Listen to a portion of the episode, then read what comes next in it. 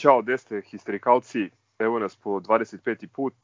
Konačno smo dočekali povratak futbola na naš najlepši stadion. Tačno posle 80 dana od Spartaka u kupu odigrali smo utakmicu uh, protiv Lučana ili protiv petog tima Lučana, kako bi rekao jedan trener u pokušaju. Uh, razgovarat ćemo o toj utakmici, o nekim aktuelnostima iz futbolskog kluba i o ovom preranom, neslavnom i ružnom završetku košarkaške sezone. Um, u redovnom smo sastavu, ali zamolit ću Mpokija da se on prvi uključi i kaže par reči o futbolu, pošto je jedini bio ovaj, fizički prisutan juče na, na JNA. Boki, si tu? Tu sam, tu sam, uh, pa mislim ništa, ono, vidio sam isto što i vi, sad samo par sekundi ovaj, prednosti, uh, pa ono, sablasna atmosfera, uvek je sablasno kad je, kad je prazno, totalno je debilno što, je, što se igra bez publike u bilo kom smislu, pošto su uh, mere socijalnog distanciranja uh, na na juče bile nulte iz prostog razloga pošto su u, ono, u ložama ljudi sedeli kao da je sve okej, uh, kao da nema ništa, a onda kao publike koje svakako ne bi bilo u, u, u meri da popuni ceo stadion, nije bilo. Mislim, to je ono, još jedan u nizu absurda u celoj ovoj situaciji.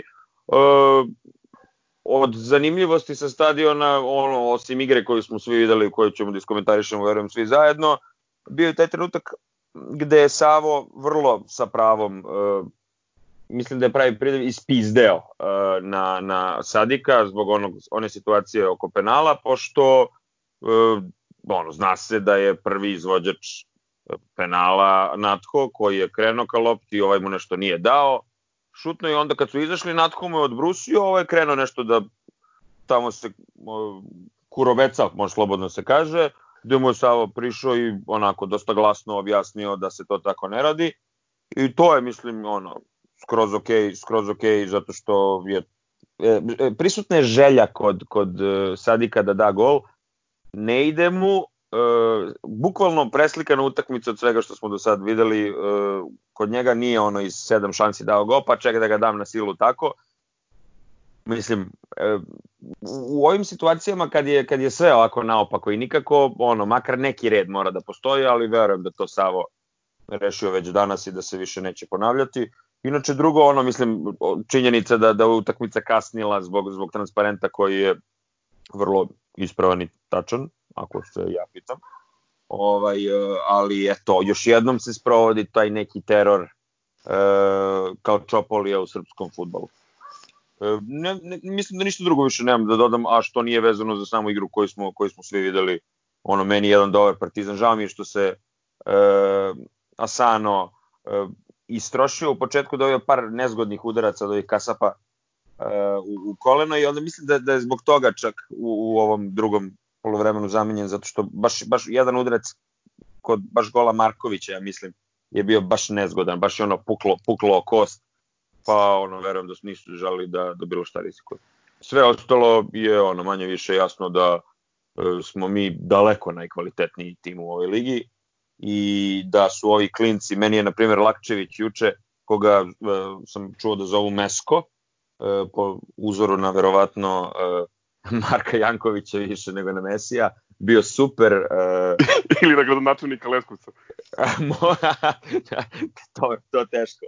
Ovaj, on mi je bio baš, baš dobar. Baš mi je ono osluženje. Laki Pavlović, um, super je što je dobio, dobio šansu dosta ranije. Uh, mislim, koliko, koliko ozbiljno možeš da shvatiš futbol u kome imaš pet izbora? Eto, ono. Jasno ti je da to neki uh, period da prođe, da se desi, da se legalizuje, ali ne ganđa i onda ono kao i, i izmišljaš taj neki futbol sa pet izmena ko u celoj Evropi. Mislim, svad je, sve ovo što će se igrati do kraja u Evropi je da prođe. Ono, da prođe da bismo počeli od početka u septembru. Mislim da je tako isto moglo da se igra i u svim drugim sportovima gde, nažalost, ima ko nije e, u mogućnosti da osvoji titulu ili ne da je Bože da ne ispadne iz lige ne znam, meni je ovo za razliku od recimo utakmice Indija Spartak ličilo na futbol. Uh, Indija Spartak malo sam gledao ovaj, u snimku dok sam čekao da počne naša utakmica, delovalo mi je kao da je ono snimak na rewindu, da, je, da se vraćaju nazad igrači. Mislim, neverovatno, potpuno nespremni. igrači Spartaka koji pola sata ne mogu da dodaju nijedan pas na 5 metara ovaj, o Nemanji Nikoliću, da ne pričam. U svakom slučaju... Vređa. Što te vređa, što te vređa, bro? Izvini, izvini, Milere, ove, ništa lično. A, mislim, ovo je delovalo ok. Meni je i ono crno, crni protiv belih delovalo kao futbolska utakmica. To mi je prvi ono utisak od juče, taj dobar ritam. Uh, krenuli smo otvoreno, ne bih rekao da je mladost došla da igra malo jači trening. Pa jer pa izvini, ovaj, 22, uh, 22 faula su napravili. Znači napravili su za prvih pola sata više faulova nego što je Vojvodina, ako već pominjemo treneru u pokušaju, napravila protiv Zvezde poslednjih pet godina. Ali čekaj samo da ti kažem jednu stvar, ovaj, uh, da se razumemo, da Stojković nije skinuo dva čista zicera, ali baš skinuo, nije ga pogodila lopta, nego je skinuo dve lopte, oni su ljudi mogli da obrnu na 3-2 u prvom polovremenu. Jer mi smo, da. baš smo se otvorili, baš smo grunuli napred, ono, svaka, svaka akcija je bila šansa. Je imali su tri šuta i sva tri u okvir gola i sve tri su bile ozbiljne šanse. Mislim, jedne su dali gol. Zapravo ta, taj gol je bio iz, iz greške naše odbrane. To je stvar koja mi se, jedina stvar koja mi se juče nije svidala, ali ajde, ovaj, zarađali su.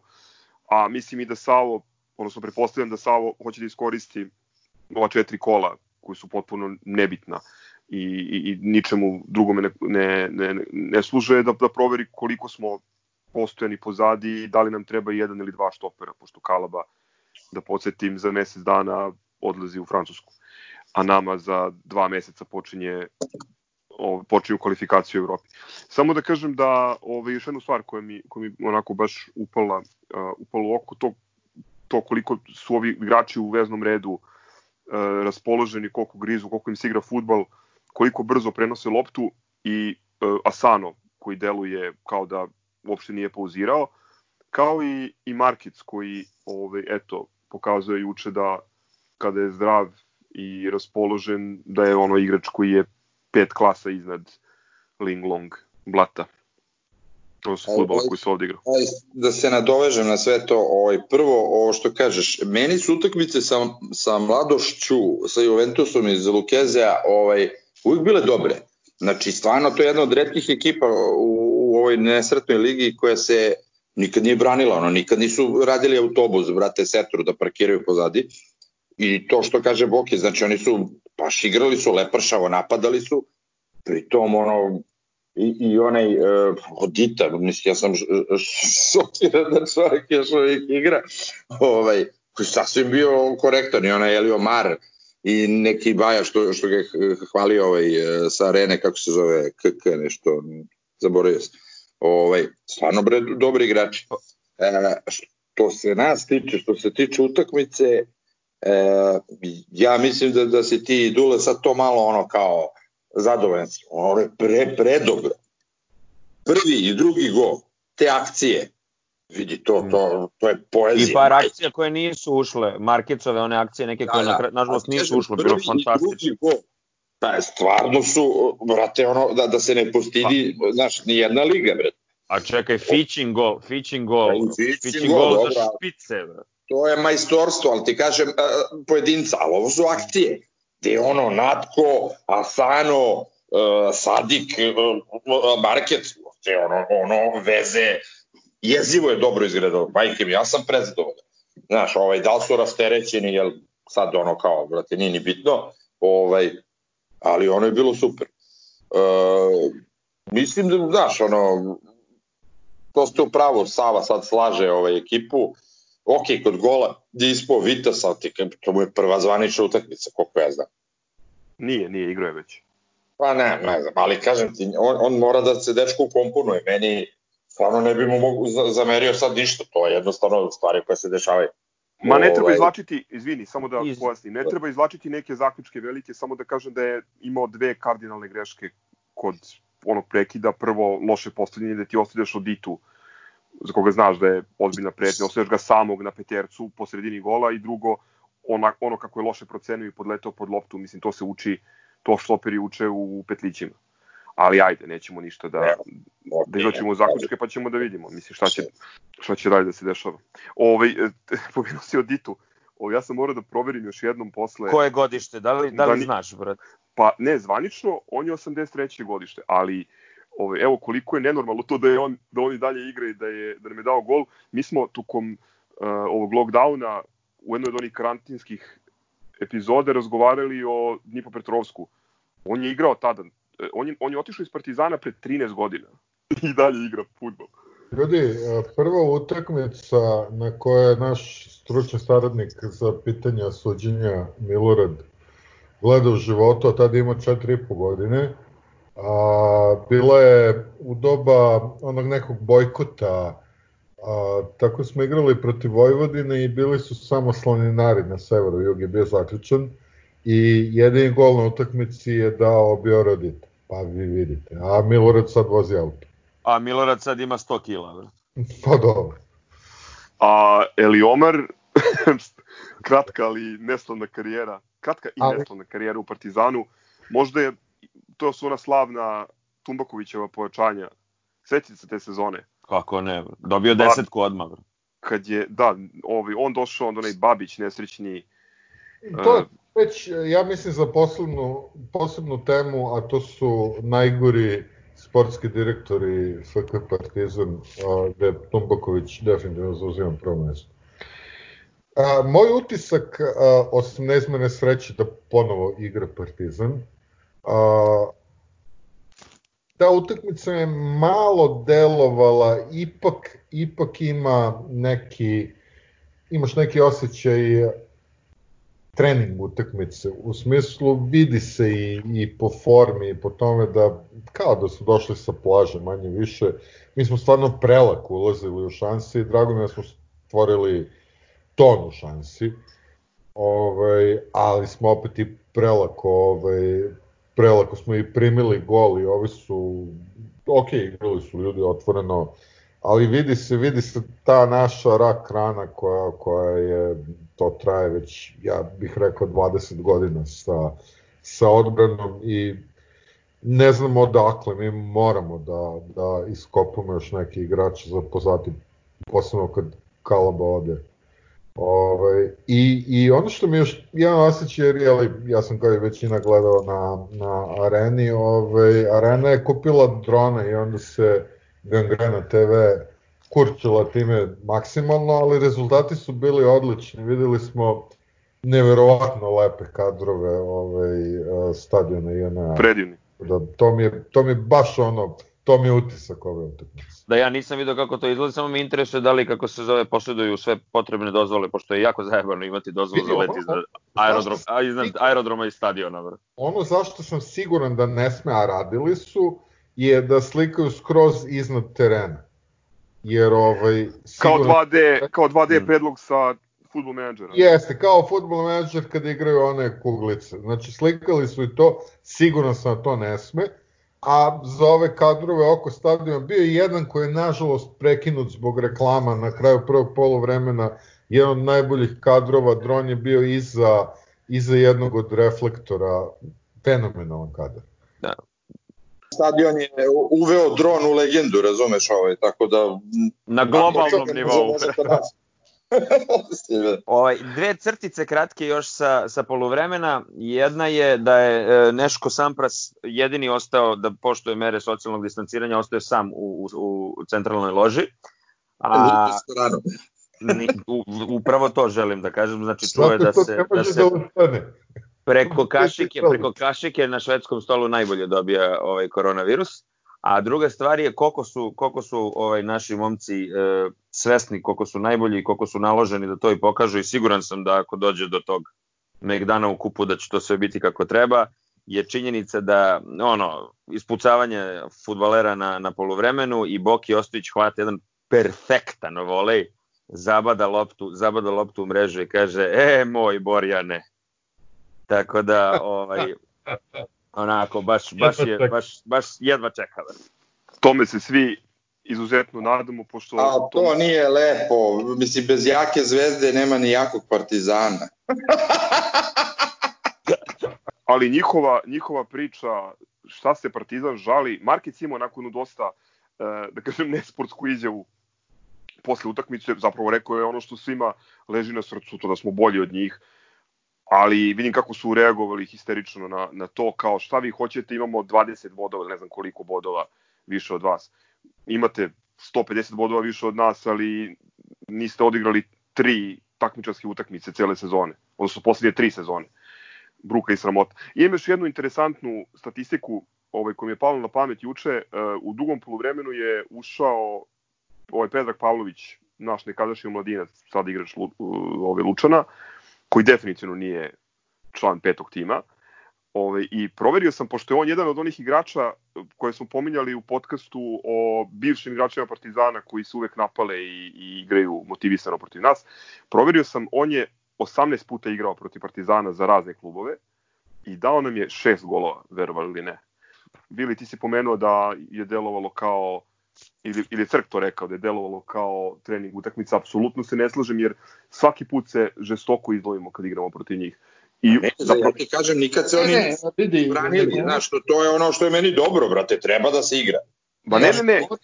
Govorim uopšte o, o njihovom stavu u utakmici, odličan su stav imali kao i uvek, govorim ti samo o, o fizičkoj pripremljenosti za tu utakmicu, nekako, pa seti se samo koliko peta je prošlo u prvih 15 minuta u, u ono, pred njihovim 16 ili u 16 O tome samo pričam dobro, ok, meni, to, meni je to pokazatelj da su naši igrači ono, da igraju leprošovo i da su raspoloženi, da je teren bio dobar i prosto to mi to govori.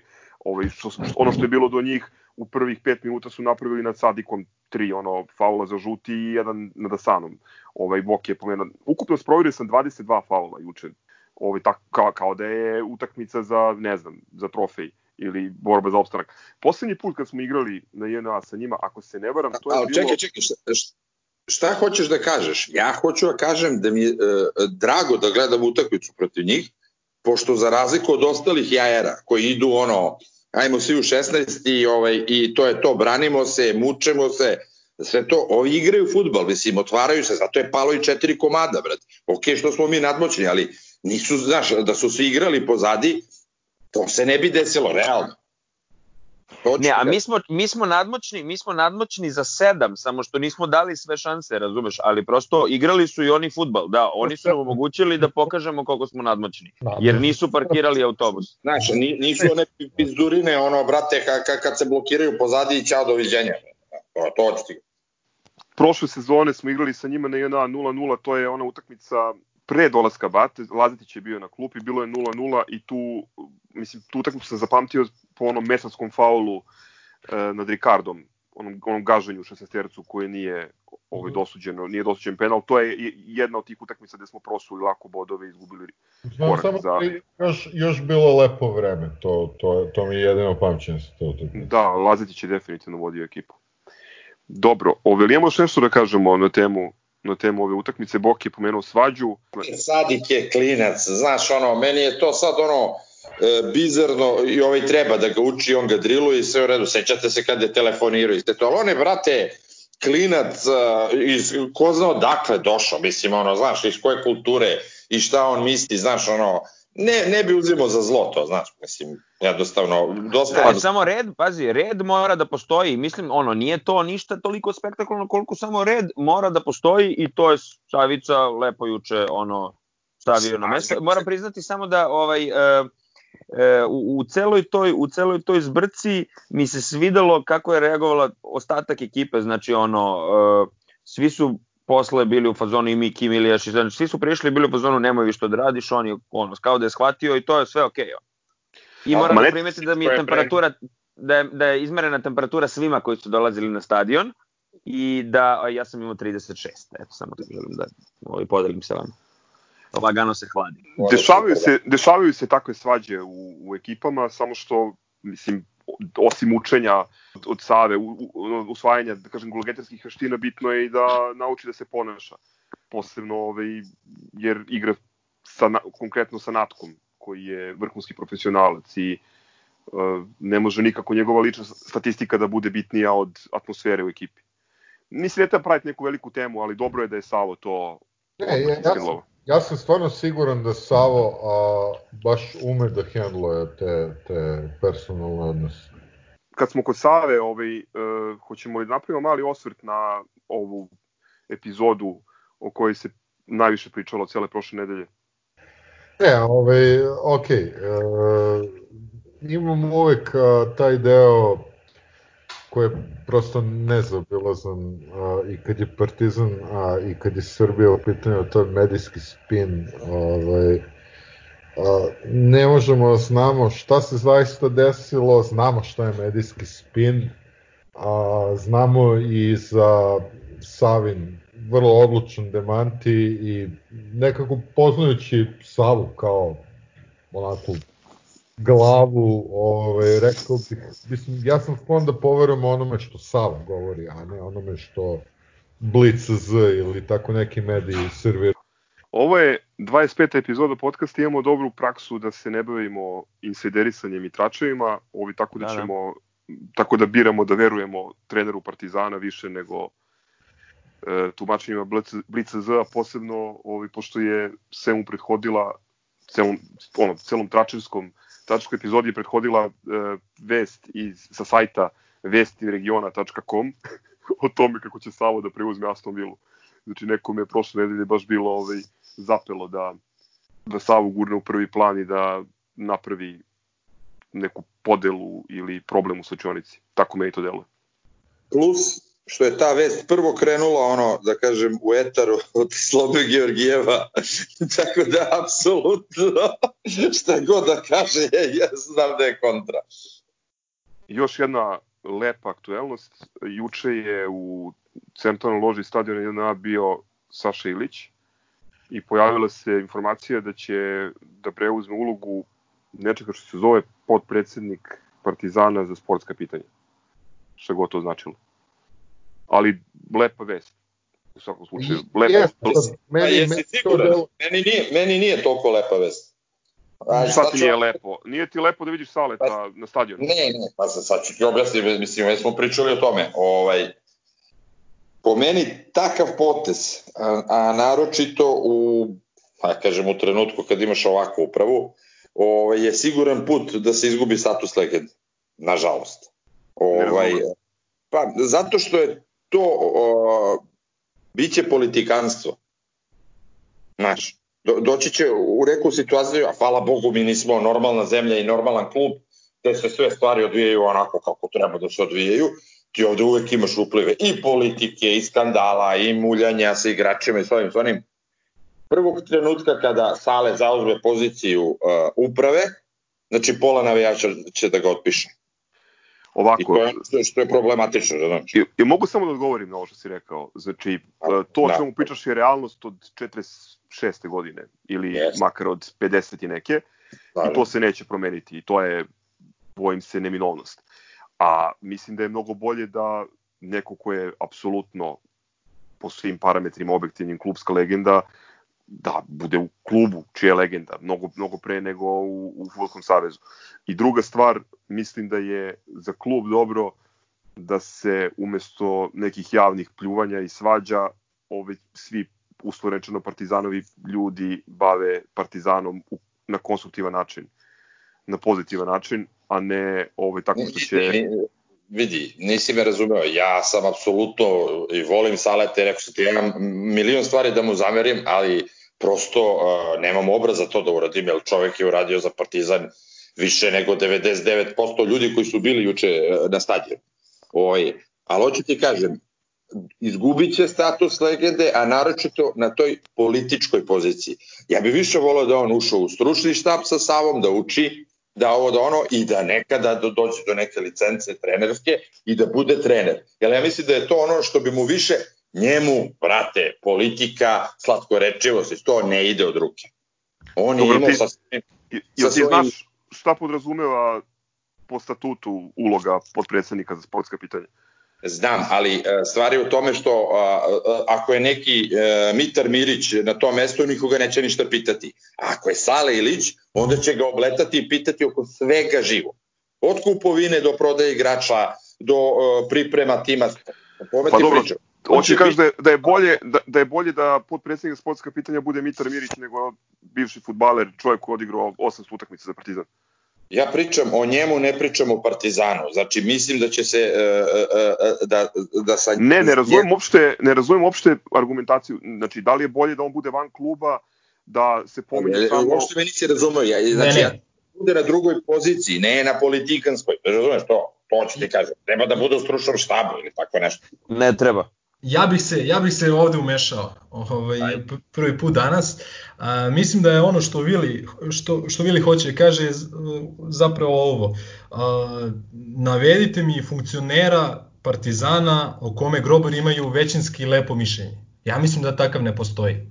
Ovaj, bilo u košarci ili u futbolu. Bio je ljudima simpatičan Todorić u košarci dok nije ono zabio nož u leđa Duletu, ali u principu mislim da takav ne postoji. Ali ja upravo ovaj... imam primer, upravo imam primer bivših fudbalera koji su u funkcionerskim foteljama napravili odličan posao i ostali su ljudima u dobrom sećanju. Mislim ne, na Batu Mirkovića, na Gordana Ivana Petrića Tomića. i na Ivana Tomića, eto, tri, ne, ne, tri primera. Ok, ok, ne, a, ako će se pitati, što kaže Vili, ako će se pitati za sportska pitanja i to, to je super, razumeš, ali mislim da Vili, Vili se plaši neke druge stvari, da, da on ne bude paravan ovima, uh, razumeš, da, da kao, e, pa kao mi imamo Sale Tilića na našoj strani. Uh, to je, mislim, ajde prvo sačekamo da se to ozvaniči, mislim da bez veze ono polemišemo, a da to još uvek nije ono zvanično. Slažem se. Ovaj, to je jedna stvar, e, a druga stvar, ovo što, što nešto na konto toga što si ti rekao, e, ljudima danas, mislim, lako se stiče taj status legende, ali još lakše se gubi. A, ljudima, ljudi ovaj, naše legende ono lako odbacuju čak i ako stoje sa strane i ne rade ništa, ono ni dobro ni loše. Ovaj, e, ne znam, evo sad priče kao Željko Bradović, pa kao zar ne može on da, da utiče da, to da Partizan dobije ovu wild card, da licencu šta, šta sve ne, razumeš? Znači jednostavno više potpuno jedna bolesna situacija gde ono, ne, umesto da prvo priznamo nekome sve dobro što je taj neko uradio, mi prvo ovaj, se ono osvrćemo na neke eventualne negativne stvari, ovaj, tako da kažem, razumem i tvoju argumentaciju, a razumem i Vilijeve neke bojazni, tako da opet ja bih sačekao to sve da, da prvo da se ozvaniči, a, a posle toga i Salet ove korake dalje ono, u, u, na toj funkciji. Ne, ne, ne, ne, apsolutno treba sačekati da se ozvaniči, ja samo hoću da kažem da ne mogu da, da prihvatim da, e, da Saša Ilić posle više od 20 godina u Partizanu, više od 800 utakmica, 18 trofeja, nemam pojma koliko je odigrao, 113 utakmica valjda, u, u evropskim takmičenjima za Partizan, da je bolje da on bude van kluba i na ratnoj nozi sa, sa upravom nego da sedi u, cen, u centralnoj loži. Mislim, on tamo treba da bude nebitno da li ima ili nema ulogu. Apsolutno. Apsolutno. O tome, to o tome samo, o tome samo govorim. Opet ti ponavljam, nisam rekao da bude van kluba. Imaš Mocu, koja je legenda, jedina preostala legenda živa, razumeš, ono, pored Saleta, ne, ne bi mogao više da nabrojim neke legende futbolske. Imaš Mocu koji je u klubu, koji se šunja tamo, omladinci, teleoptik, ovo ono, nikoga nije, bavi se čovjek tim poslom i nikoga nikad nije prozvao i nije se našao u skandalu. Problem je kod Sale. Ali nisi bili baš Nije dobar pravo. primer. Nije dobar nije primer za Moca. Moca baš nije dobar primer. Da, Moca baš nije dobar primer. A što?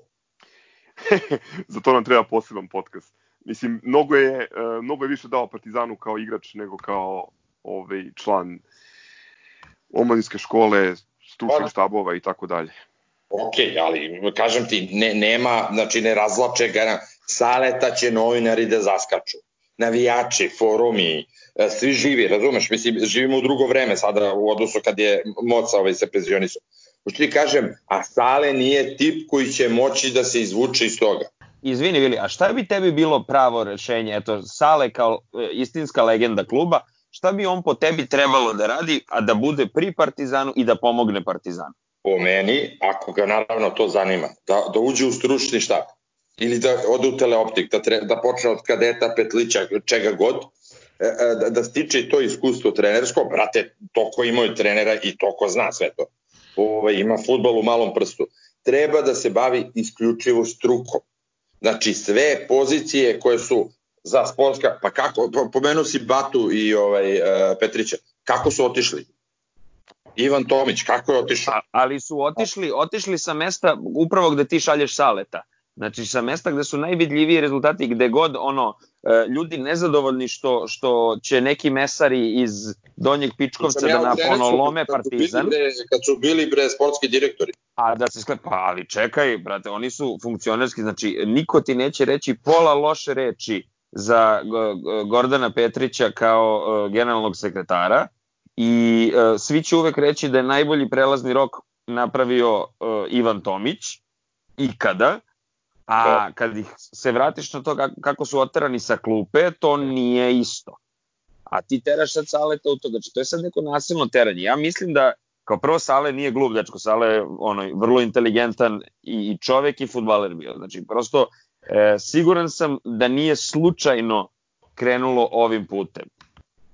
E, ja sam, ja sam, čekam kao prvo da vidim šta će na kraju tu da. zvanično biti, da li će da, toga biti ajde, nešto. Da ne Ali Sale, ja Sale, pa ti si je raširio, brat. E, prosto e. mislim da, da e, Sale mora biti deo Partizana e, na, na bilo koji način, ali mora biti, mora biti tu. Ok, evo, ja ću sad da kažem i, i da čutim dok se ne dogodi to.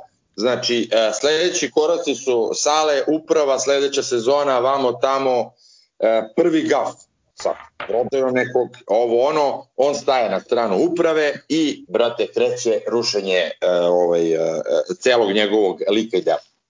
To je da. mnogo ŠBB, KBB mislim, ja, ja govorim o onome što je sad realna situacija, da je Sale van kluba, da postoji ta neka nezdrava percepcija ili ne postoje neki napadi na njega, mislim da je to katastrofa i da je mnogo bolje da čovek koji je u klubu ostvario sve ono što sam malo čas spomenuo, da je prirodno da on bude u klubu i da ima neku ulogu nemam okay. pojma, ovaj, pričat ćemo konkretnije, pričat ćemo konkretnije da. o tome kad se to desi. Eto. Bolje, bolje svakako da bude u, u svom klubu nego u futbolskom savezu. Uh, to je jedna stvar, ali opet s druge strane, znači, uh, ono, ja opet ponavljam da razumem Vilija. Znači, ov, Ovi da. ljudi, ovi ljudi su ga, ovi, pojedini ljudi iz ove uprave su ga ono prozivali, razumeš, kroz onako nezvanično kroz razne kanale, tako da ja se plašim isto da kad bude neko sranje da nestanu oni iza njega i da kaže e, pa znaš kao evo, kao, kao ko je odgovoran, kao, razumeš,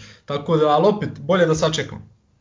I opet kažem, ne slažem se zašto ne valja da budu FSS. Stalno kukamo kako nemamo nikog tamo, kako je sve cigansko leglo, ovaj, Zašto mi ne bi gurali tamo neke ljude? Pa da. Nešto... Šta, šta on može da uradi? Ne može, ne može sa, za klub, kao, kao ovaj selektor kadetske ekipe ili pomoćnik da. Ilije Stolice, ne znam šta da, radi da. tamo. Mislim, smešno je, nema nikakav uticaj, to je čisto ono pa šta, protokolarno. Znači, uticaj je samo predsednik i to je to, kao, to, to je kraj, ono, umesto kokeze da dođe. Pa, Mislim, vrlo ne, dobro, da, znaš vrlo dobro, na kojim organima se donose odluke koje su bitne, bitne za takmičenje i znaš kako stoje stvari u tim organima. Mislim, u njima ja, Partizan nema nikakav uticaj kao klub. Ne, ne, ne pričam o takmičenju, pričam brate, jednostavno o, o prvo Partizanovim igračima koji će biti pozivani u reprezentaciju i kojima će cena skakati i samim tim klub profitirati. Znači, to, to mi je broj jedan, sad da ne zovu nekog a, Uh, ponovo se, ponovo se bili ne slažem, ponovo se ne slažem s tom, mislim, evo, ako pogledaš jako dobar primer Strahinje Pavlovića i Nikola Milenkovića, i jedan i drugi su potpuno ignorisani i to aktivno od strane ovaj, raznih selekcija u FSS-u. Bleki nije ni debitovao do trenutka dok nije postao kapiten Partizana, pa i jednom i drugom to nije smetalo da naprave ozbiljne transfere. Tako da to ono pozivanje igrača iz Brodarca i, i, i grafičara mislim da to više ne može nikoga osim ono reporteri sportskog žurnala. Da, vreme, brate. To, niko ne kupuje više igrača tako što prati žurnal i, i gleda turnir Ćele Vilotić, mislim, tako ajde. da... A, dobro, ajde, otišli smo predaleko, vidjet ćemo šta će biti, ja sam rekao šta sam imao, pa eto, vreme će pokazati. Da zapamtim ovaj 25. podcast kad sam, kad sam ja pričao. Ako se ne kutite, ovaj, ja bih dodao par rečenica. Pauzirao sam Partu Sudokov koji sam umeđu vremenu startovao.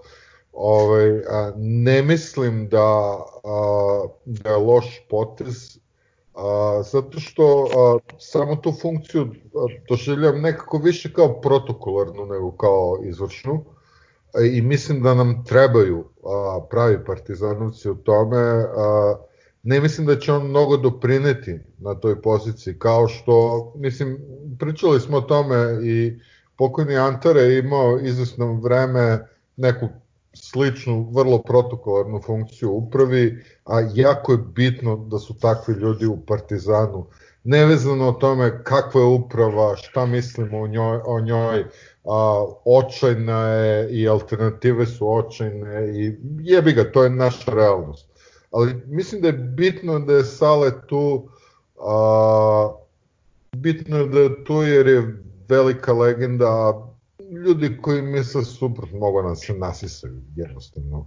Ovaj, a baš a, za to stručni štab, ja mislim da Sale nije, nije kalibar jednostavno za...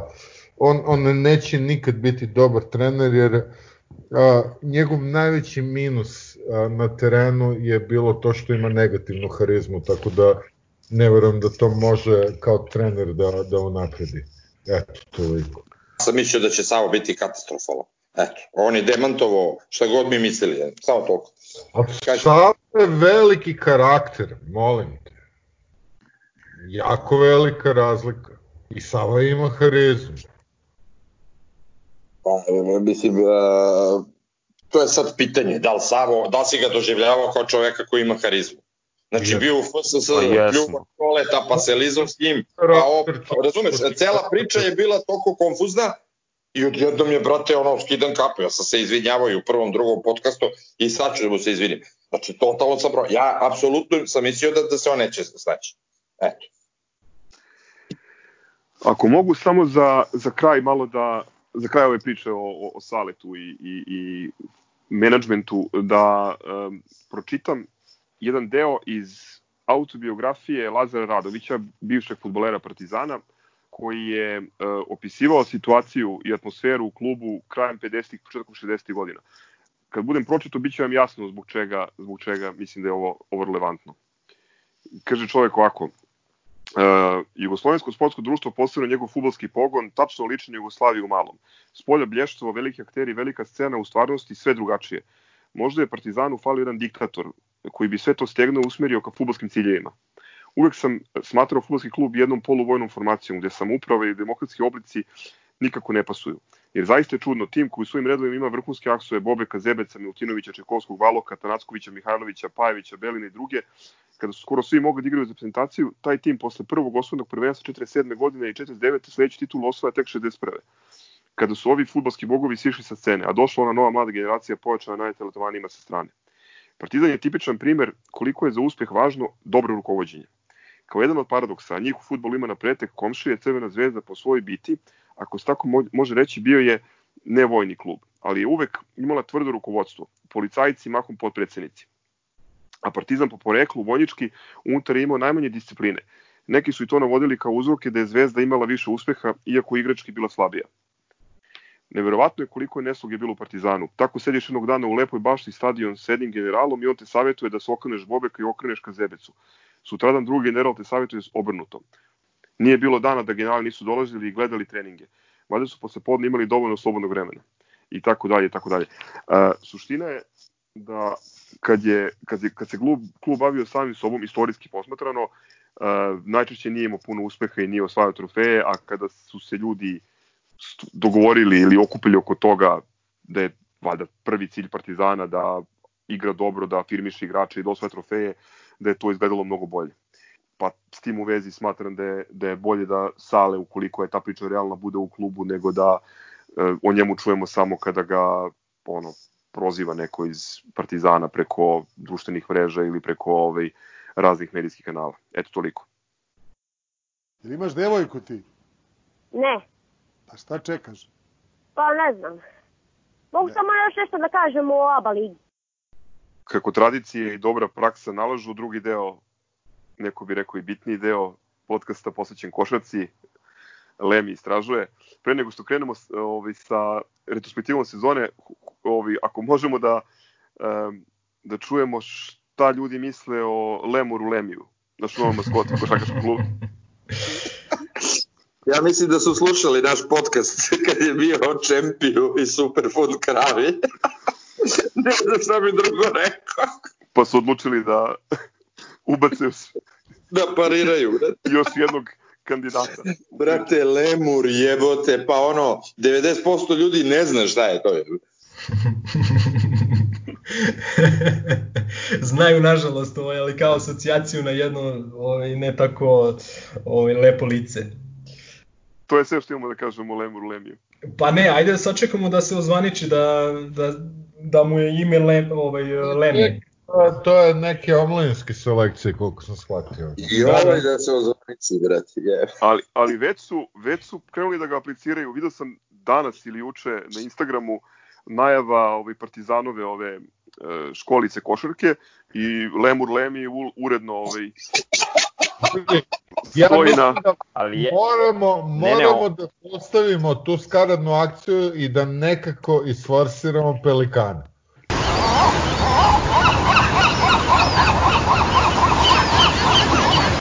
Ne, ne, Lemur, Lemur Lemi na, ovaj, na leto će ući u navijačku grupu Perverzija Krupanj. Ovo je verovatno nakon, nakon što povede klince na, na, na, na taj kamp u Krupnju. Reći, iz, Ali, vidi, tek sam sad, tek sam sad shvatio ono ko Lemur Lemi pa se zezamo. Kad, kad je Dule sad rekao, e, već ga stavljaju na aplikacije a, Lemur Lemi, kao najnormalnije priča, shvataš koliko je to budalaština. nije, mislim, ali ja mislim da je, da je Lemur izabran definitivno, samo da mu se traži ime. Pa, Znači, on, on je apliciran, ali mislim, ok, to ona ima za svrhu tu omladinsku, omladinsku ovaj, košarku i to je ok, mislim, ono, lepo izgleda. Imamo Makar je vidljiv za razliku od Viber stikera koje još uvek nismo dobili. Čekaj, a šta, po čemu je Lemur poznat? Mislim, šta je njegova svrha, znaš, ono, skače, grize, šta da radi? ne bude, da, da bude totalno drugčiji od drugih. Ja Ne, nemam pojma. Ima dobar, pošto je Bulja, ima dobar pregled igre, crno-beli je okretan. Ove, inače, da vam skrenem samo pažnju na dnevni plan aktivnosti ove školice košarke u Krupnju, a, fenomenalno je, znači ide ovako. Buđenje, doručak, kondicioni slash košarkaški trening, slobodne aktivnosti, bazet, izlet radionice, ručak, obavezni popodnevni odmor, užina, kondicioni košarkaški trener, pa sad, večera, takmičenja, kulturno-edukativne aktivnosti, povečerije. Komesar, brate. Komesar tamo, brate. Da, gledaju dnevnik i onda pričaju o tome. Da li je Šabanikal umešan u te kulturno, o, kulturne aktivnosti? Još vas boli šabanikal, brate, ali moguće? Da ne, samo pitam. Ništa, roditelji, roditelji. Ovo, stani crk, ovo je treći segment krvavljenje iz ušiju, ovaj, tad ćemo da pričamo o Šabaniku. Pa da, u redu. ništa, samo pozovem ro- roditelje da umesto ovaj, na more decu vode u krupanje. da se druže sa lemurima. da, umesto u paraliju, ovaj, u krupanje.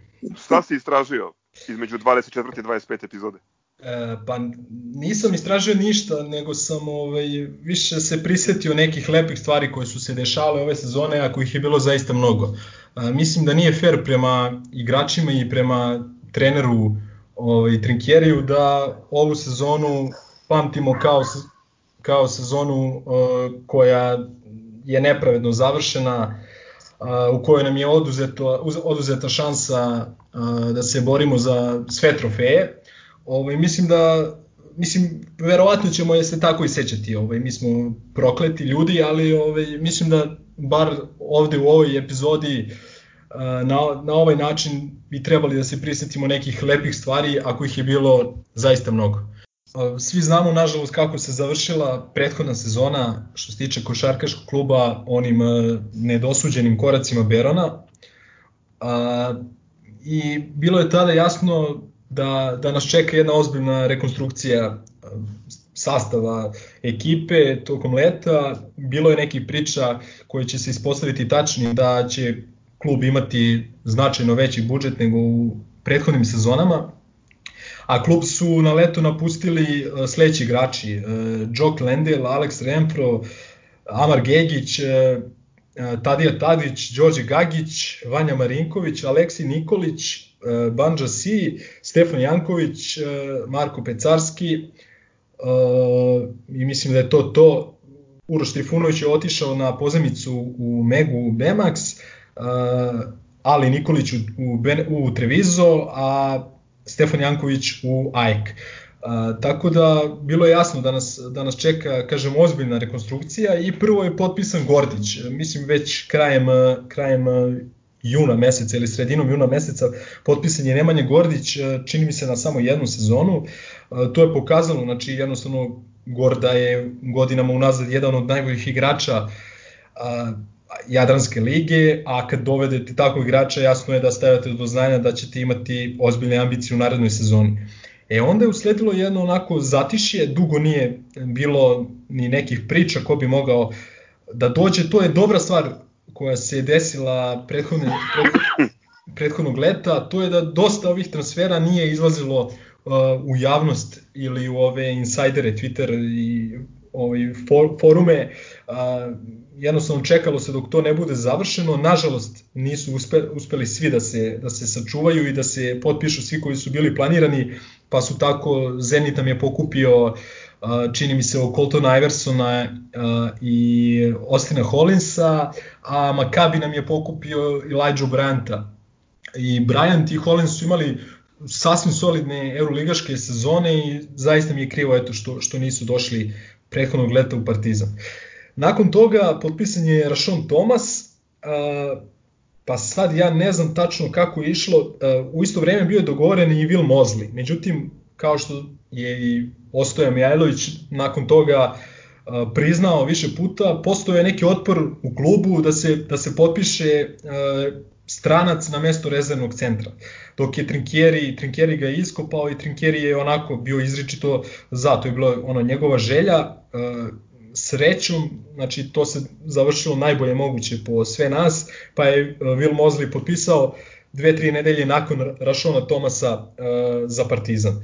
Nakon toga doveden je Janis Peiners uh, kao evroligaško počanje, igrao Evroligu u prethodne sezone, pa onda i Cory Walden koji je bio sad čini mi se da li MVP ili, ili najbolji strelac izraelskog prvenstva, ovaj, nemojte me držati za reč, uh, i nakon toga je potpisan Art Parahovski, takođe više puta smo pričali o njemu, nažalost nije se zadržao i poslednje počanje e, bio je Stefan Birčević. On je došao, čini mi se, negde tamo možda čak i u toku ili nakon svetskog prvenstva u košarci, uglavnom to je bio septembar mesec, a Stefan Janković je otišao na pozamicu u AEK.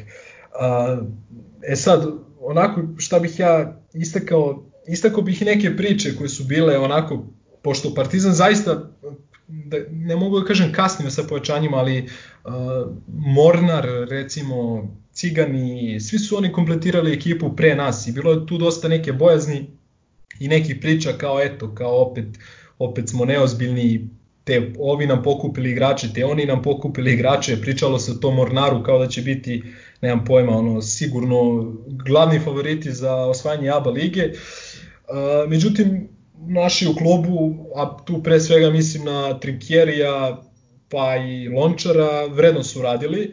Uh, ono što je jako bitno da su tri igrača iz Partizana iz prehodne sezone nakon rada sa Trinkjerijem otišli u Euroligu. To su Lendile Remfro i Vanja Marinković. Vanja je takođe izabran na NBA draftu ovaj, kao 60. pik uh, Sacramento uh, Kingsa i to je isto jako lepa stvar koju mislim da treba ovaj, pomenuti i eventualno podsjetiti ljude ako su zaboravili. Uglavnom, počeli smo sa pripremama negde krajem avgusta i tu je isto bilo priča, te kao poslednji krećemo sa pripremama, te ovaj italijan neradnik, te ovo, te ono, pa je onda bila priča, prvih 7 dana smo trenirali u onoj hali u Masteru u Zemunu i tu nije bilo dozvoljeno ovaj, uopšte novinarima da prisustuju, te šta se to krije, te kao neozbiljni treninzi pa ne žele kao da se to pročuje i da se, da se širi. Mislim, potpune neke gluposti ovaj, koje su na kraju demantovane samim rezultatima na terenu. Prva prijateljska nam je bila sa a, slogom u Kraljevu, a nakon toga su sledili ovaj, čini mi se prijateljska sa Darušafakom u areni, pa, pa nakon toga i turniri a, u Poljskoj i Rumuniji, čini mi se. Oba turnira su onako dominantno osvojena, po, pobeđeni su između ostalog i Makabi i Fenerbahče i već tu je postalo jasno uh, da Partizan zaista je složio dobru ekipu. Već tu se videle neke ovaj konture ekipe, znači na drugoj, trećoj pripremnoj utakmici se videlo da postoji jasan sistem igre, svaki igrač da je jasan da, da mu je stavljeno do znanja koje su njegovi zadaci, koja su očekivanja njega i tako dalje. Znači baš smo dobro onako za, za ekipu koja je prilično nova i koja se tek, da kažem, ovaj, sastavila, tako da kažem, i počela radi, izgledali smo jako dobro. I tu je mnogima ono, bilo jasno da, da, da Partizan čeka jedna lepa sezona.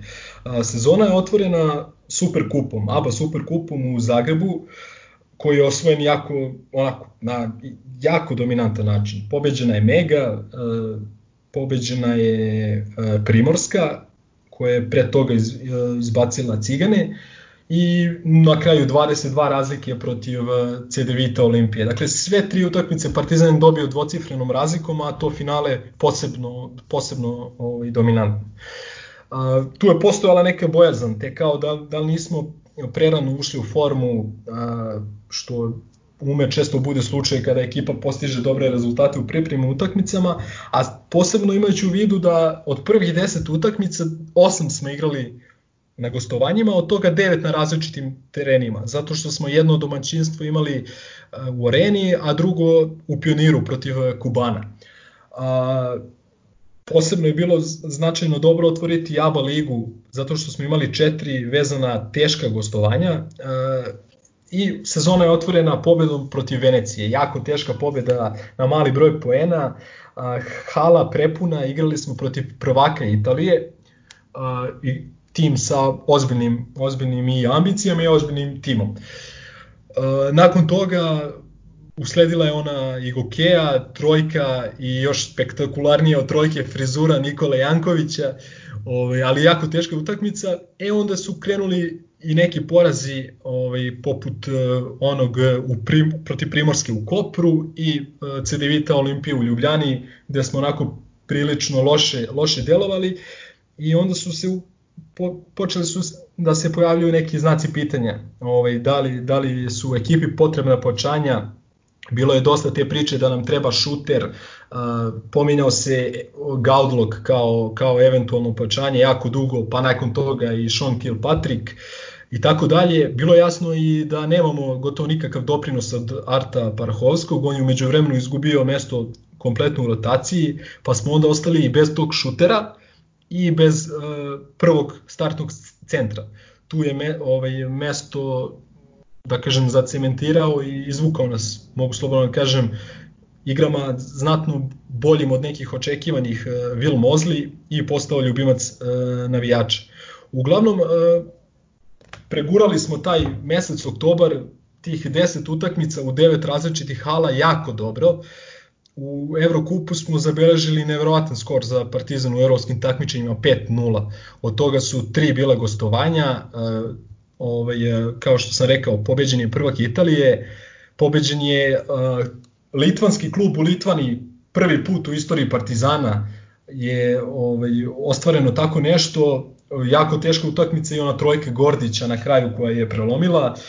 Nakon toga je pobeđen Kuban u jednoj evroligaškoj utakmici u Pioniru i nakon toga Limož onako prilično ubedljivo i dominantno čak i uz povredu Voldena nije nastupio Volden, tu smo videli neke minijature Trinkjerija, prvi put Zagorca na mestu playmakera i tako dalje, što će koristiti i u, ovaj, u nastavku sezone u par navrata.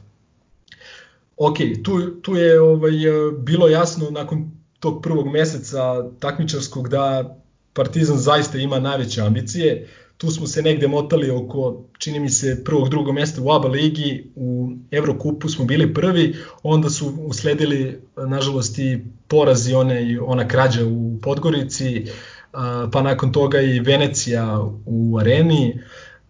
Međutim, zadržali smo i nivo, ono što sam zaboravio da kažem, jedno veliko počanje za Partizan ove sezone je profesor Koprivica. Uh, to je bila, mislim, ja mislim da je to vest koja je najviše obradovala navijače Partizana prethodne, prethodnog leta, znači bolje od svih ovih pojačanja pojedinačno, čovek koji uživa ono koji ima takvu karijeru jednostavno i koji uživa, uživa tako poverenje uh, ljudi u svetu sporta uh, i ako izuzmemo tu povredu povredu ovaj, e, Voldena na zagrevanju i nažalost povredu Ređa Redinga, Partizan nije imao većih problema sa povredama ove sezone. Čak i, i Rade Zagorac koji znamo kako je ovaj, e, umeo često da pa i Jaramaz na kraju krajeva koji su kroz čitavu svoju karijeru imali veliki problema sa povredama ove sezone, to nije bio slučaj. A, uglavnom nakon te Venecije mi smo izgubili čini mi se i Kuban i i Tofaš uz pobjede protiv Limoža i e, Ritasa u, u Beogradu, što je bilo dovoljno za drugo mesto u Evrokupu. E, nastavili smo sjajno u ABA ligi, bila je to jedna velika serija pobjeda, na kraju smo dohvatili to prvo mesto ovaj, koje je zaista bilo, bio jedan od ciljeva e, Partizana. Uh, umeđu vremenu potpisan je Reggie Redding. Bilo je tu dosta priča, špekulacija, te ovaj, te onaj, pominjao sam ta neka imena koja su, koja su kružila.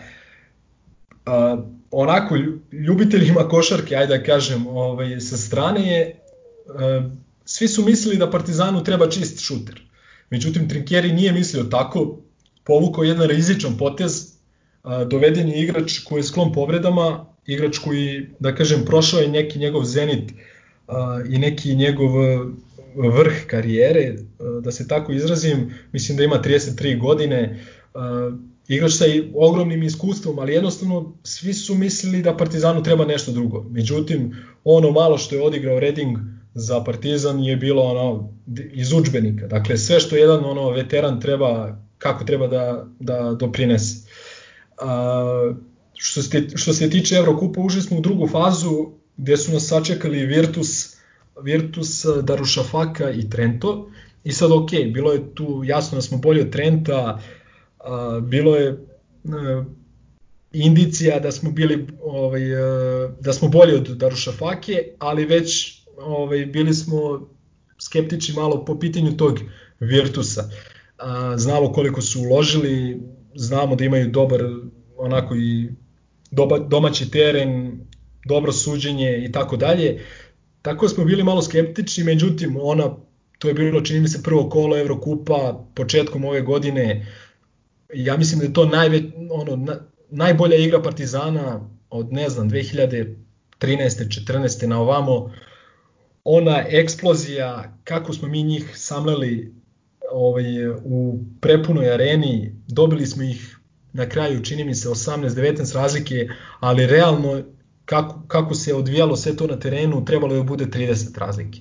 Potpuno smo poništili, Trinkier je potpuno poništio Saleta, uh, Jaramaz je maltretirao Teodosića čitavu utakmicu, uh, Page, Redding, svi su odigrali dobre utakmice, lopta se kretala, Volden isto, takođe, uh, Gordić sa svojim ono kad god kad god smo u krizi on preuzme ovaj izmisli neki koš faul i tako dalje E tu je već, ja mislim, svima postalo jasno. Malo sam pratio ove strane novinare, košarkaške, španske, italijanske. Tu su oni već svi videli ono, od kakvog materijala je sastavljen Partizan i bukvalno svi su ono redom bili u fazonu ja ne vidim kako ova ekipa ne, ne ide do kraja ovog takmičenja. A, nakon toga bila je ta pobjeda protiv Trenta, pa onda i onaj a, poraz, poraz na jednu loptu od Darušafake i onda dolazimo do epske utakmice u Bolonji. Odnosno do epske sedmice u kojoj smo da kažem u 7 dana smo igrali tri jako teške utakmice. Prvo je bila protiv Cigana, pa je onda posle dva dana bila ta Bolonja u gostima, odnosno direktna borba za prvo mesto, ispostavit se nažalost ovaj prednost domaćeg terena do, do finala koji koji se neće desiti. I nakon toga budućnost u direktnom duelu za prvo mesto u prepunoj areni. Neki, Gazo, ti Crk, bili ste u Bolonji, ovaj, to je jedna epska, epska utakmica, jedna od najvećih pobjeda Partizana, u, pa mogu slobodno da kažem i u ovom veku.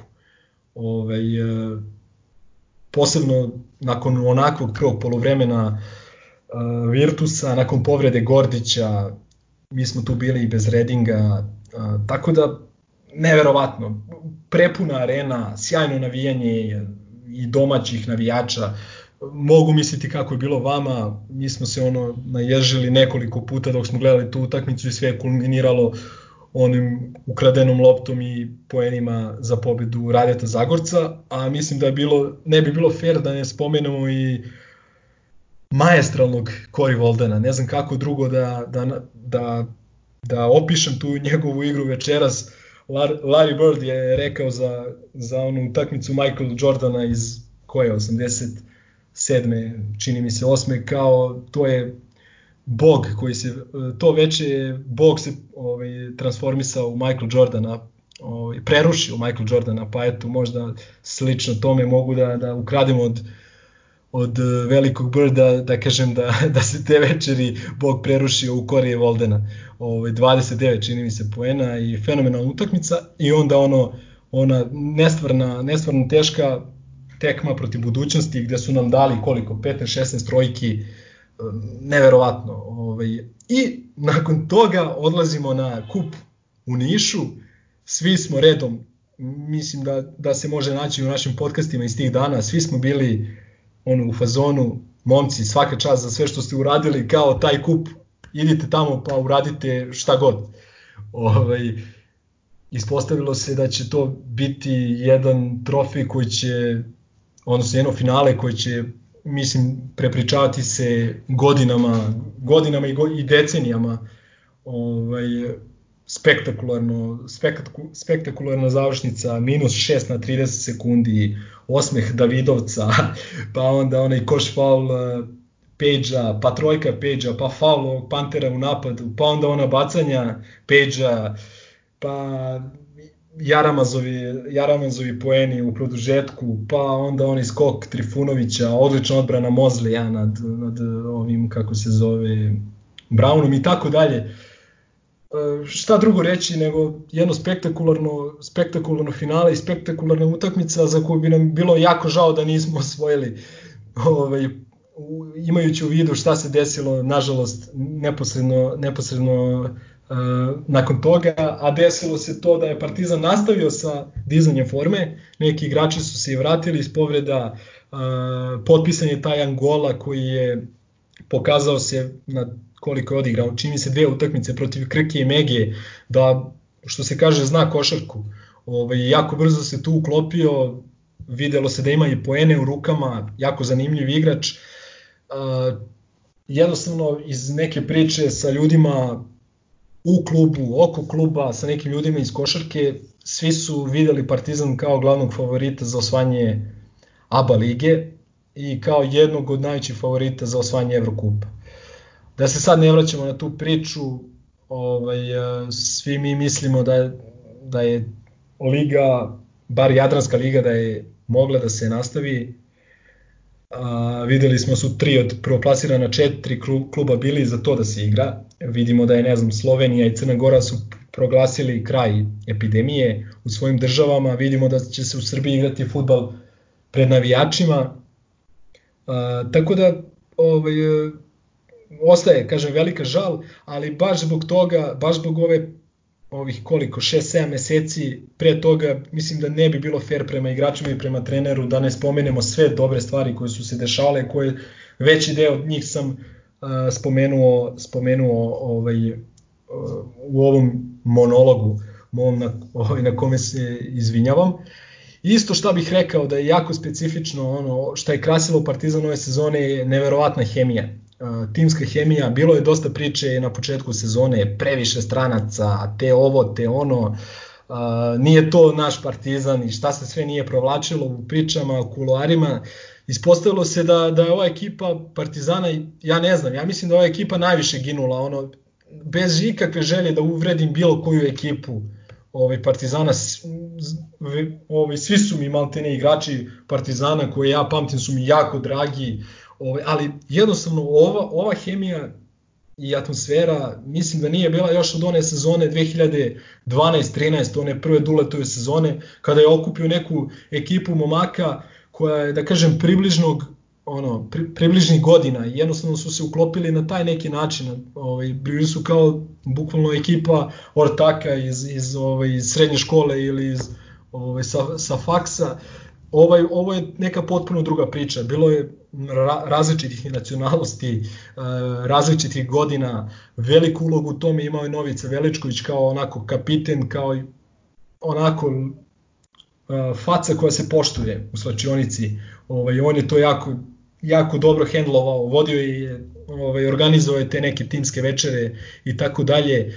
Uh, isto što je specifično kad pogledamo uh, raspodelu minu, minuta, znači najviše je igrao uh, što se tiče Evrokupa, sad to imam pred sobom, Rade Zagorac 24 minuta. To je igrač Partizana koji najviše igrao u proseku.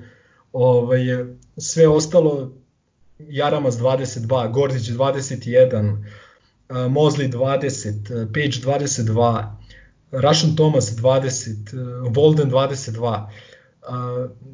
Nula sujete, znači nula, apsolutno nula sujete, to je potpuno neverovatno i to je možda najveća stvar koju Trinkieri uradio ove sezone. Takođe, isto bih volao da pomenem jedan igrački iskorak Uroša Čempija Trifunovića, koji je počeo na pozamici u Megi zato što se je smatralo da neće imati mesta u ekipi Partizana. Na kraju tamo je došlo do neke svađe, da ne ulazimo sada u to.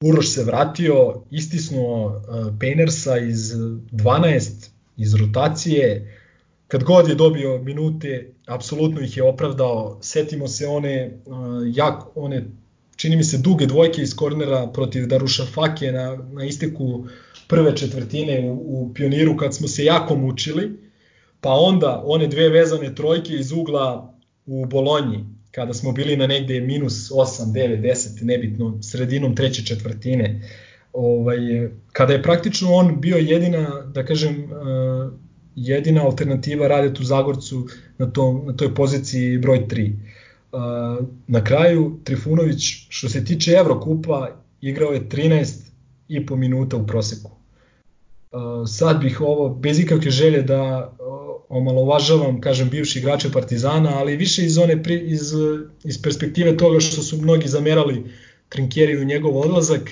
A Marko Pecarski ove sezone u ABA ligi u dresu FNP-a igrao je 9 minuta u proseku. I mislim, ono, pametima je to, pametima je to sasvim, sasvim dovoljno.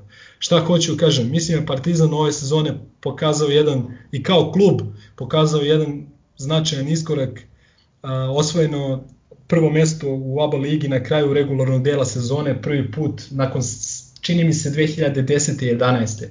Nisam 100% siguran, ali, ali trebalo bi da je tako. Uh, osvojen, da kažem, najbolja smo ekipa Evrokupa nakon četvrt, nakon ovaj, top 16 faze pred četvrt finale, osvojen je ABA Superkup, osvojen je kup Radivoja Koreća, klinci su se plasirali na onaj Euroligin završni turnir posle, pa možda i prvi put, ja sad ovaj, pravo da kažem, ne sjećam se, ali moguće čak i prvi put. Dakle, Partizan je ove sezone na terenu uradio sve, apsolutno sve što je mogao da uradi, pa i više od toga. Svakako više od očekivanog. Mislim da svaki i, uh, navijač Partizana, bez obzira na način na koji je završena ova sezona i bez obzira na taj gorak ukus koji je ostao u ustima, mislim da mora da bude jako ponosan sezonom, utakmicama i uh, čitavom atmosferom koja se, koja se ovaj, dešavala ovaj, oko Partizana. Mi nismo jednostavno kao neki koji će se kititi lažnim titulama, prisvajati ih ovaj, posle ne znam koliko godina. E, mi smo i ovaj put bili oštećeni, ali ok, mnogi se neće složiti sa time ovaj, da, da, to jest složit će se ali možda im je preko glave toga da budemo moralni pobednici, ali stvarno, mislim, kad pogledaš, kad pogledaš sve što je urađeno ove sezone, ostaje samo ono da ustanemo i da aplaudiramo treneru Trinkjeriju, profesoru Koprivici, Vladiš Čepanoviću, Aci Matoviću a, i svim igračima, dakle od prvog pa do, do poslednjeg, do ne znam Penersa i Parahoskog koji nisu imali doprinos koji su imali. Toliko od mene, izvinjavam se što sam odužio i možda i više nego što sam planirao, ali šta da se radi, zaslužili svoji momci, mislim, jednu ovakvu retrospektivu. Milenko, Milenko, e, čekaj, čekaj, Milenko, a, da ustanem i da ti aplaudiram. E, to sam teo kažem. Da. A majke mi, brat. Pa ti si bog, dečko, brate, ti si lud, totalno, ne znam šta ti kažem. da te, da, da te ne, vidi, ti Da. sad pričaš, a ja gledam, e, e, počinje se sećam i koji jebote, jel realno, znači ono, šta si ti, koje si ti detalje, pa ono, to, toga se ni trinkeri ne seća. Tako je. svakačar, majke. Znaš, ono, šta, je, šta više ja da kažem, brate, posle ovoga. Koliko su oni zaslužili standing ovation, zaslužili si ti za svaka čast. Na živote, majke, mi, brate. Ne, hvala, hvala, Milenko nađe devojku. Nađi devojku. I počne da piješ. hvala im, hvala im što, što su jednostavno omogućili ovoliko lepi, da, da zapravo pamtimo ovoliko lepih stvari, ajde tako da kažem. fantastična sezona, zaista. A, I slažem se, a, neke od neverovatnih pobeda, ja mislim te dve pobede protiv Virtusa a, spadaju u najbolje partije Partizana u ovom veku.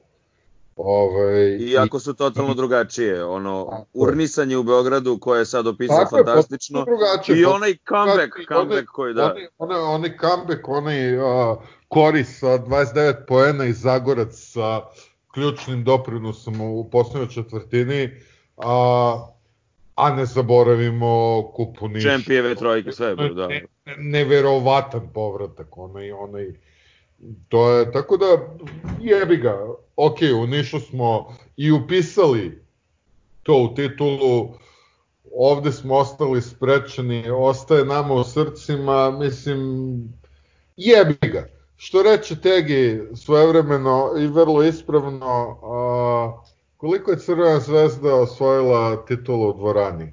Znači, to se sve piše u nekoj statistici, ono što su oni osvajali na šljaki u doba dok napad nije bio ograničen, ali jebo te titule, jebo statistiku. Znamo šta smo gledali, a, sjajni su bili momci i ovaj, nekako, eto, ajde, ajde da na krilima toga i koliko smo u mogućnosti krenemo u sledeću sezonu a, trademark, a, pa da vidimo šta će se dogoditi. sjajne uspomene. Mislim, teško je sad bilo, bilo šta reći, pošto je Lemi onako baš detaljno uh, ono poređao ključne događaje u sezoni. Uh, pomenuli ste obojica Virtus, uh, rekord ABA protiv budućnosti je još nešto što će sigurno ostati svima u, u sećanju. Obrt u, krp, u, u kupu naravno uh, i Jaramazova trojka iz okreta u tablu Tako je, Ovo tako, to protiv- sam ispustio, da. protiv Olimpije. Uh, još par stvari samo, um, možda neke mitove ovaj, koje, koje su se pojavljivali tokom sezone uh, i ono, postali su tema za raspravu po kafanama i društvenim mrežama, pa samo da se, da se osvrnemo i na njih, pošto uh, ovo je tvoje, naravno, subjektivno viđenje sezone sa kojim se ja u velikoj meri gotovo potpuno slažem, ali postoje neke stvari koje su se pojavljivale i gde je prosto bilo, bilo nekih zamerki. Um, za početak priča kako Trinkieri samo ovaj dovodi strance i ovaj posle svakog poraza radi uh, radi neku da kažem ponovnu Ko- procenu Korekciji.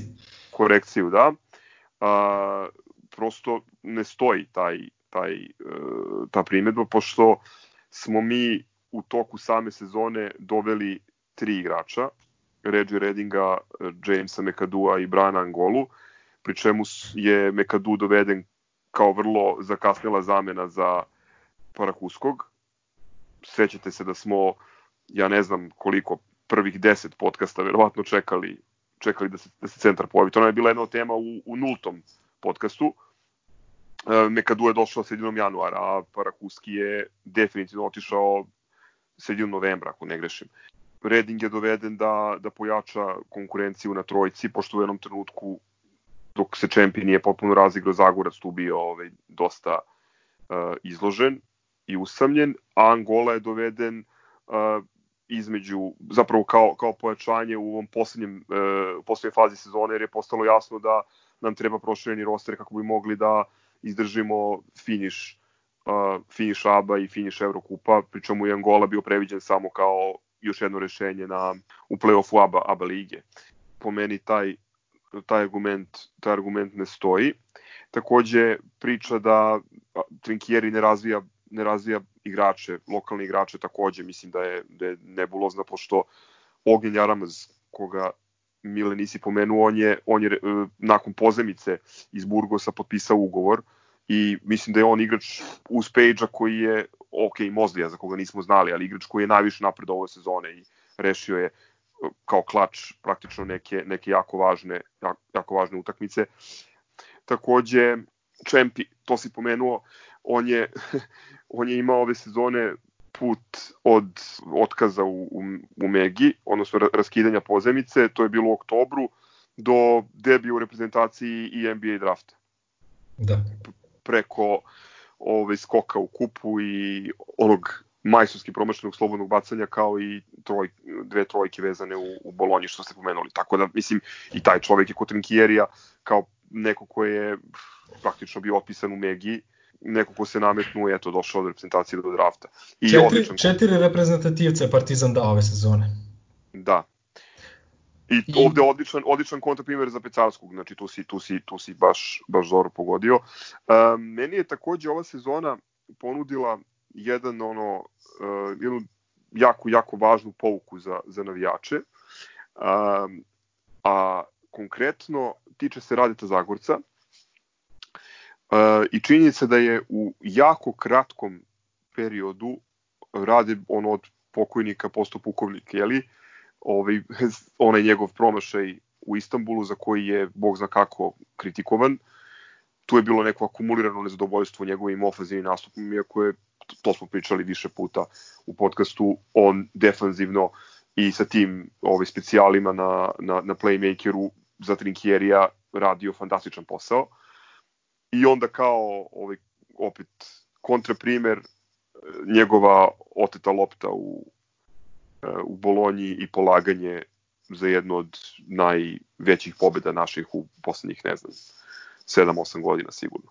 Eto, to su, to su još neki, još neki utisci, s tim što mislim da je da ne treba nikako zaboraviti, odnosno treba naglasiti da smo samo 8 utakmica izgubili ove sezone, što je neverovatno. A Uh, Jednu na domaćem terenu. Da, u, znači od Venecije smo izgubili u areni od prvaka od prvaka Italije. Ne sećam se ovaj da smo da smo da smo imali tako dobar bilans. Da, što se tiče Trifunovića isto bih uh, istakao da je njemu sezona počela jako, da kažem, onako, jako dramatične stvari su mu se dešale, Čale mu imao moždani udar i tako dalje, tako da je to verovatno imalo uticaja na, na tu njegovu nestabilnost, ali uh, jako je značajno to što je konačno, da kažem, posle Vanje Marinkovića, konačno još jedan igrač, mladi igrač Partizana dobio priliku da se pokaže na, na, na nekoj višoj sceni. A, takođe isto bih istakao jedan jako veliki kuriozitet ove sezone. Dakle, kao što sam rekao, Partizan je najbolji tim Evrokupa ove sezone, dok se taj Evrokup igrao. I tu apsolutno nema nikakve, nikakvog spora. A ono što je jako zanimljivo je da e, kad se gledaju sad, kad se gleda statistika igrača Partizana Evrokup ove sezone, ni jedan igrač nije prosečno beležio dvocifren broj poena. Prosto ono za rubriku verovali ili ne. Ovaj, mislim da će to ostati, ostati ono jako veliki kuriozitet evropske košarke i mislim da nije fair da ne pomenemo Markusa Peđa 48% za 3 u Evrokupu, 42% za 3 u ABA ligi, to su ono, dame i gospodo, to je elitni šuter, to je jedan od najboljih šutera u Evropi. Uh, prosto je neverovatno kako, ka, s kakvim samopouzdanjem on igra, koja je to, koja je to transformacija u odnosu na prethodnu ja ga nisam sezonu. Pomenuo, ja ga nisam pomenuo namerno jer smo o njemu pričali, mislim, najviše od svih, o njemu i o Raditu. Pa mislim i treba, znaš. Ne, ne, s pravom potpuno i u pravu si kad kažeš, mislim, on je uh, ono, elitni šuter, šuter koji je iznad nivoa ABA lige i, i, i ove Evrokupa i zato me posebno raduje, ne mogu da kažem da me nije malo iznenadilo to što je produžio ugovor sa, sa klubom, jer da, da. ovaj, siguran sam da je imao, da je imao jake, jake ponude. I ja bih još jednu stvar ovaj, istakao kao jako lepu i pozitivnu stvar ove sezone. Mislim da nije postojala utakmica bilo gde da se igrala ove godine, da Partizan nije imao podršku svojih navijača čak i onom protiv Kubana u Krasnodaru bilo je par ljudi u Veneciji i Bolonji je bilo, znači I bilo stotine ljudi. On, ona, dva, ona dva idiota u zvezdinim u pokojnicim yes, boksericama. Da, došli da provociraju, ali mislim, to je bedno.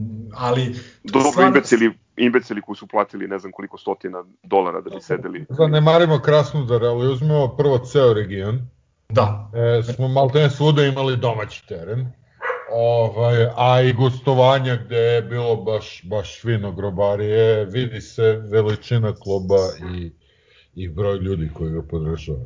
Da, i, i Limož, i Istanbul, bukvalno sve, i Trento, sve je propraćeno, ono, svaka čast ljudima koji su i odlazili na ta gostovanja, ljudima iz inostranstva, koji, iz Italije, Švajcarske, Francuske, odakle sve ne.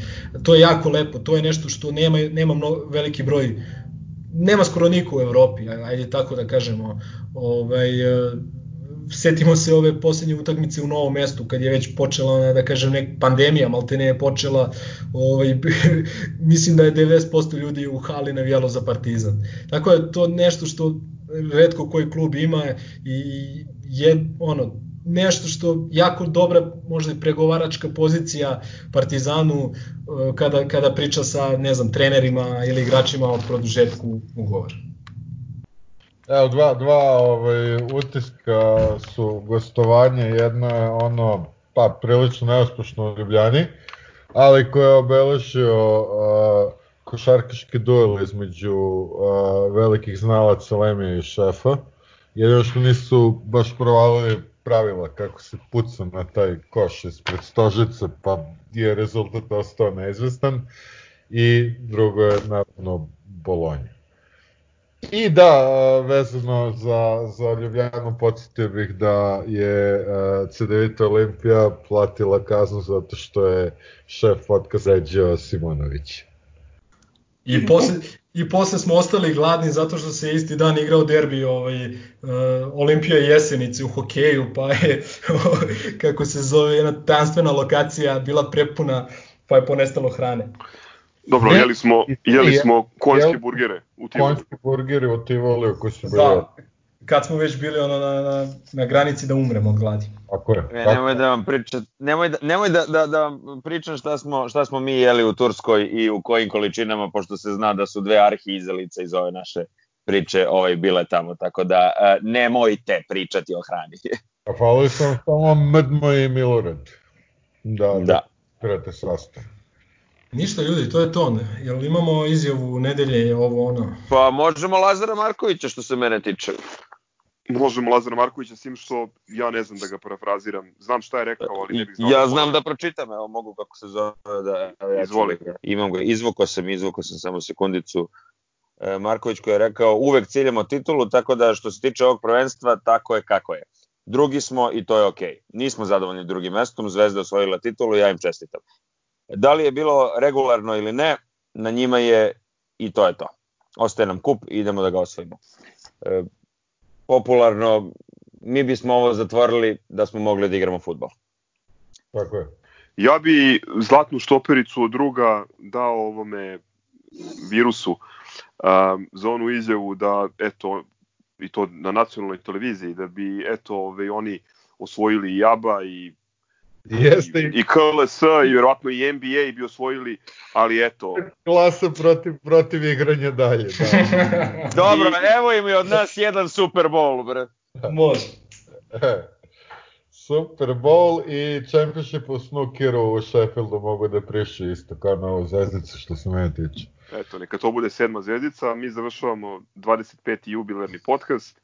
Hvala na pažnji, slušajte nas preko Soundclouda i YouTube-a, komentare šaljite preko YouTube-a, Soundclouda, Instagrama i Twittera. Toliko za ovu nedelju, hvala na pažnji, čao. Dobro, je zdravo. Dobro.